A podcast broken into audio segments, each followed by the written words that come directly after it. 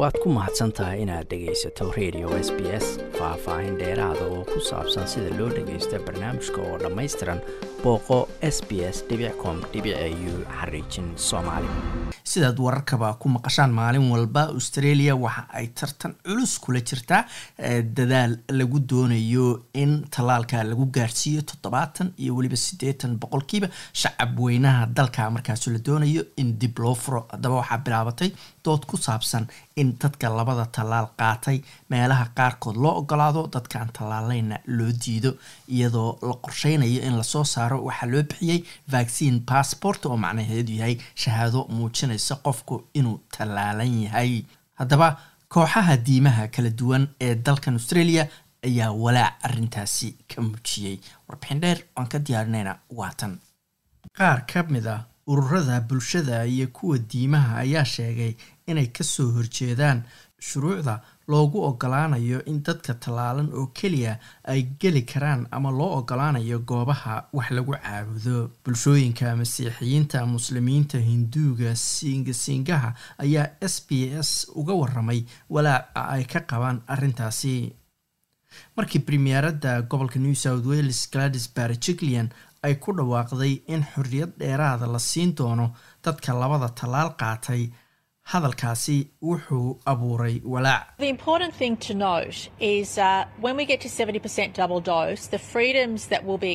Tan muhiimka in la xasuusto waa in markii toddobaatan boqolkiiba dadku ay labada tallaal qaataan xorriyadda ay helayaan kuwa labada tallaal qaatay. waan ognahay in khatarta ah in xanuunku soo rito qofka ay aada u yaraanayso markuu tallaalada qaato. khatarta ah in caabuqa aad dadka kala qaadsiisana aad bay u yaraanaysaa marka aad tallaalan tahay. Laakiin sidoo kale marka toddobaatan boqolkiiba la gaaro weli xanibaadaha qaar baa sii jiri doona ayay tiri. Dadka aan istallaalin noloshooda waxba badan iskama bedelayso sida ay hadda tahay oo waxay ku jiri doonaan xanibaado marka laga reebo adeegyada daruuriga ah laakiin madaxda diimaha ayaa sheegay in cibaadaysiga kiniisadaha masaajidada temballada iyo sinagoogyada oo ah goobaha yuhuuddu wax ku caabudaan ay tahay in lagu daro ama lagu xisaabiyo inay yihiin meelo daruuri ah. Qaar ka mid ah si toosa ayay arrintan ugala hadleen wasiirka caafimaadka ee new south wales brad hassad iyagoo leh qaar ka mid a culimmada diimuhu si cad ayay amarkaasi u diidi doonaan haddii ay dowladdu khasab ka dhigto in dadka labada tallaal qaatay oo keliya ay geli karaan goobaha wax lagu caabudo. Wakiilo ka kala socda diimaha masiixiyiinta muslimiinta hinduuga siingasingaha ayaa s b s news u sheegay walaaca ay qabaan. Philip colgan waa baadari sare oo ka tirsan kiniisadda st george north anglican church oo ka mid a madhabta anglicanka ee diinta masiixiga wuxuu sheegay inuusan ku talinayn amar diido laakiin qaabka wax loo wado aysan sax ahayn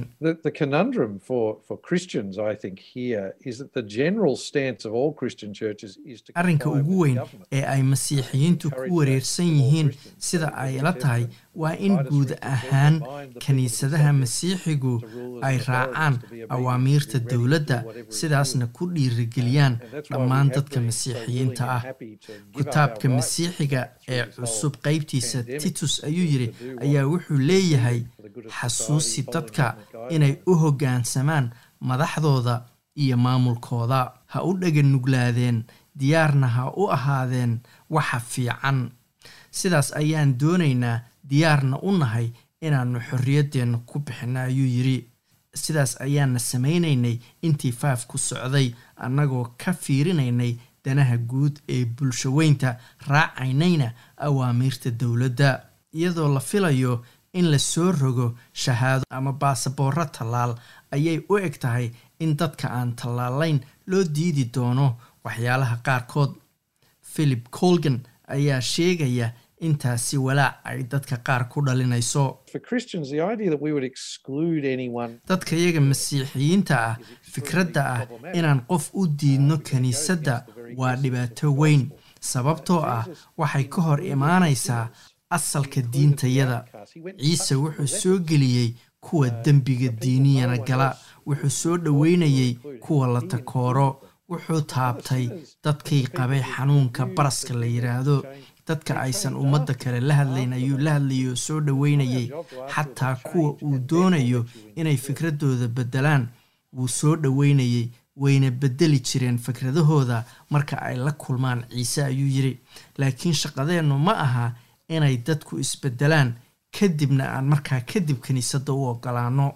Monica domit waxay ka tirsan tahay kiniisadda katoliga ee sydney.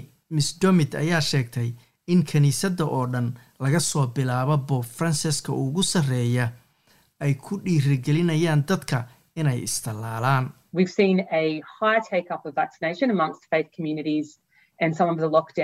waxaan aragnay qaar badan oo ka tirsan bulshooyinka diimaha oo ku nool xaafadaha xanuunku ka dilaacay ee sydney oo tallaalka qaadanaya deegaanadaas oo ah meelaha dadka diimuhu ay ugu badan yihiin waana kuwa ugu tallaal qaadashada badan. Toddobaadkii la soo dhaafay waxaannu arkaynay goobo tallaal oo laga furayo meelaha gow-arida la dhigto ee kiniisadaha ama kaarbaarkiga bulshooyinka diimuhuna way taageerayeen fariimaha tallaalka. Waxayse rajaynaysaa in goobaha wax lagu caabudo laga dhigo kuwo daruuri ah oo aan dadka gelaya la kala soocin.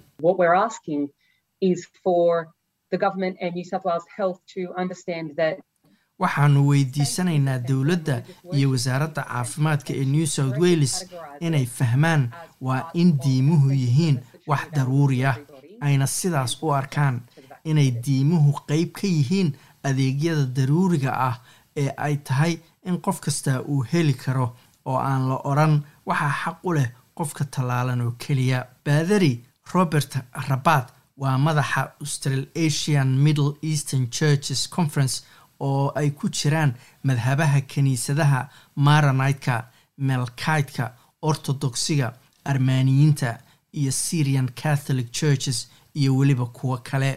Wuxuu sheegay inay tahay in la sameeyo xal cidna aan dhibaata uga imaanayn oo dadka aan tallaalayn xataa ay wax caabudi karaan laakiin lagu sameeyo ama lagu fuliyo arrintaasi si ammaan ah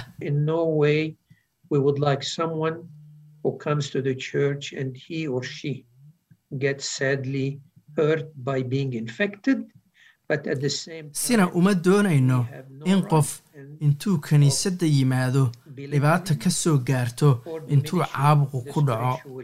laakiin dhanka kalena xaq uma lihin inaan yasno oo hoos u dhigno baahida diimeed ee qofku qabo iyadoo albaabku furan yahay lagu yidhaahdo qofka ma soo geli kartid kiniisadda waxa uu intaa ku daray in masiixiyiinta lagu amray inay dariskooda jeclaadaan.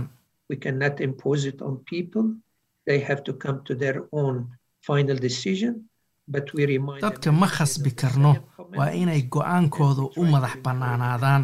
Laakiin waxaan xasuusinaynaa qodobo diintayada ku qoran annagoo isku dayayna inaan dhiiragelinno haddii ay raacayaan tallaabooyinka saxda oo ay wacayaan dhakhaatiirtooda oo iyagu yaqaana cilmi ay kula tarin karaan qofka enver yaser oo ka tirsan masaajidka galiboli oo ku yaal xaafadda open ee galbeedka sydney ayaa sheegay in haddii dowladdu qaado tallaabo looga mamnuucayo muslimiinta aan tallaalayn inay booqdaan masaajidada ay fulin doonaan amarkaasi.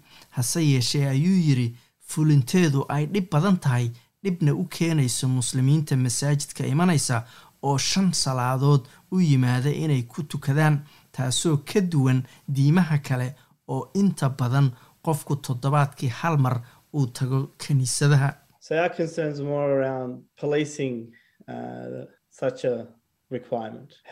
walaaca aan ka qabno arrintan waa sidee loo hirgelinayaa amarkan?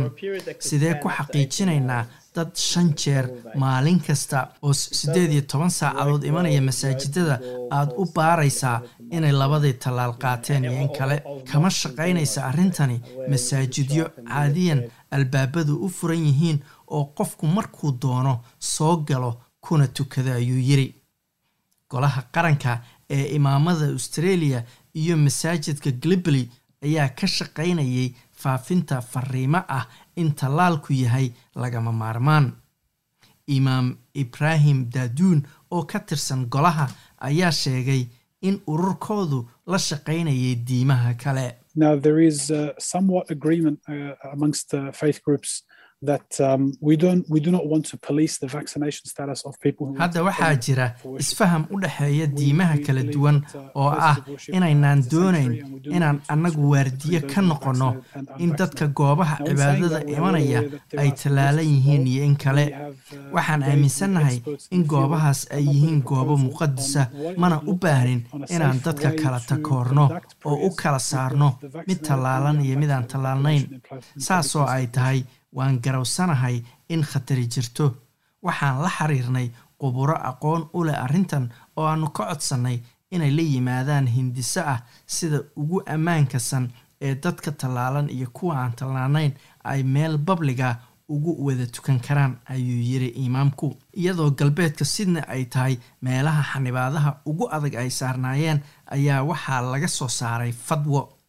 Iimaan daaduun ayaa sheegay in fadwadan lagu sheegay in tallaalka covid nneteen uusan ka hor imaanayn shuruucda islaamka.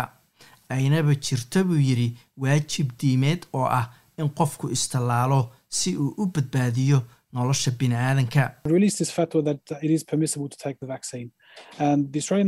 waxaan soo saarnay fadwo dhahaysa diintu way ogoshahay in tallaalka la qaato.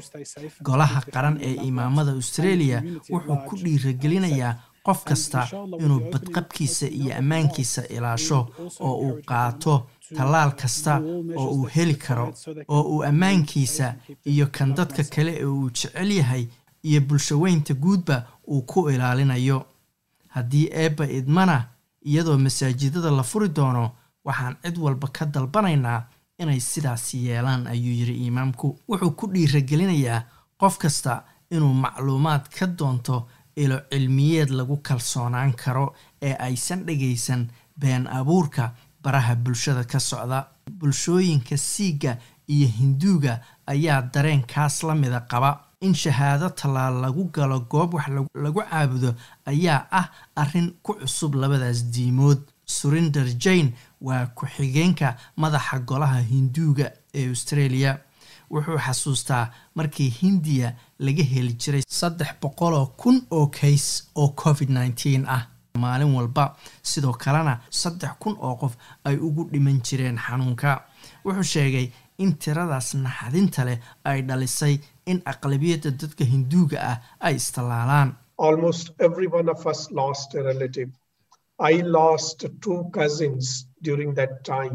dadka intooda badan qof qaraabo ay yihiin ayaa u dhintay covid laba ilmo adeer ama ilmo abtiyaashay ah ayaa u dhintay marka dadka hinduuga ahu ee halkan degan waa australia runtii way fahamsan yihiin sida caabuqan uu u dhibaato badan yahay ama u daran yahay iyo sida sahlan ee uu dadka u baabi'in karo. Inteenna badan waanu la soconnaa muhiimadda tallaalku leeyahay. Waxaan isku dayaynaa inaannu saaxiibadeen ka dhaadhicinno inay istallaalaan.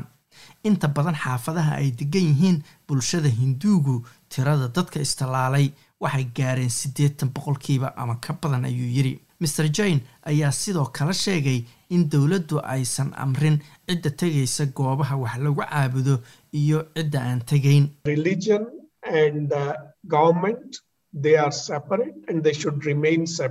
diinta iyo dowladdu waa kala saaran yihiin waana inay kala saarnaadaan. Goobaha wax lagu caabudo waa goobo ay gabaad u doontaan dadka ugu liita bulshada ama ha noqoto dhanka jirka ama maskaxda ama dhanka dhaqaalaha goobaha caabudaaddu waa meelaha dadku tagaan markay xaalad adag ku jiraan oo xanuun hayo oo ay ilaahood u noqonayaan. Marka in laga hor istaaga taas maadaama aysan tallaalayn ma aha tallaabo fiican ayuu yidhi. Harbiir batay waa madaxa siik north shore gurudwara oo ku yaalla xaafadda taramara ee magaalada sydney. Wuxuu sheegay in awaamiirta dowladda oo la raaco ay cid walba dan u tahay una fiican tahay.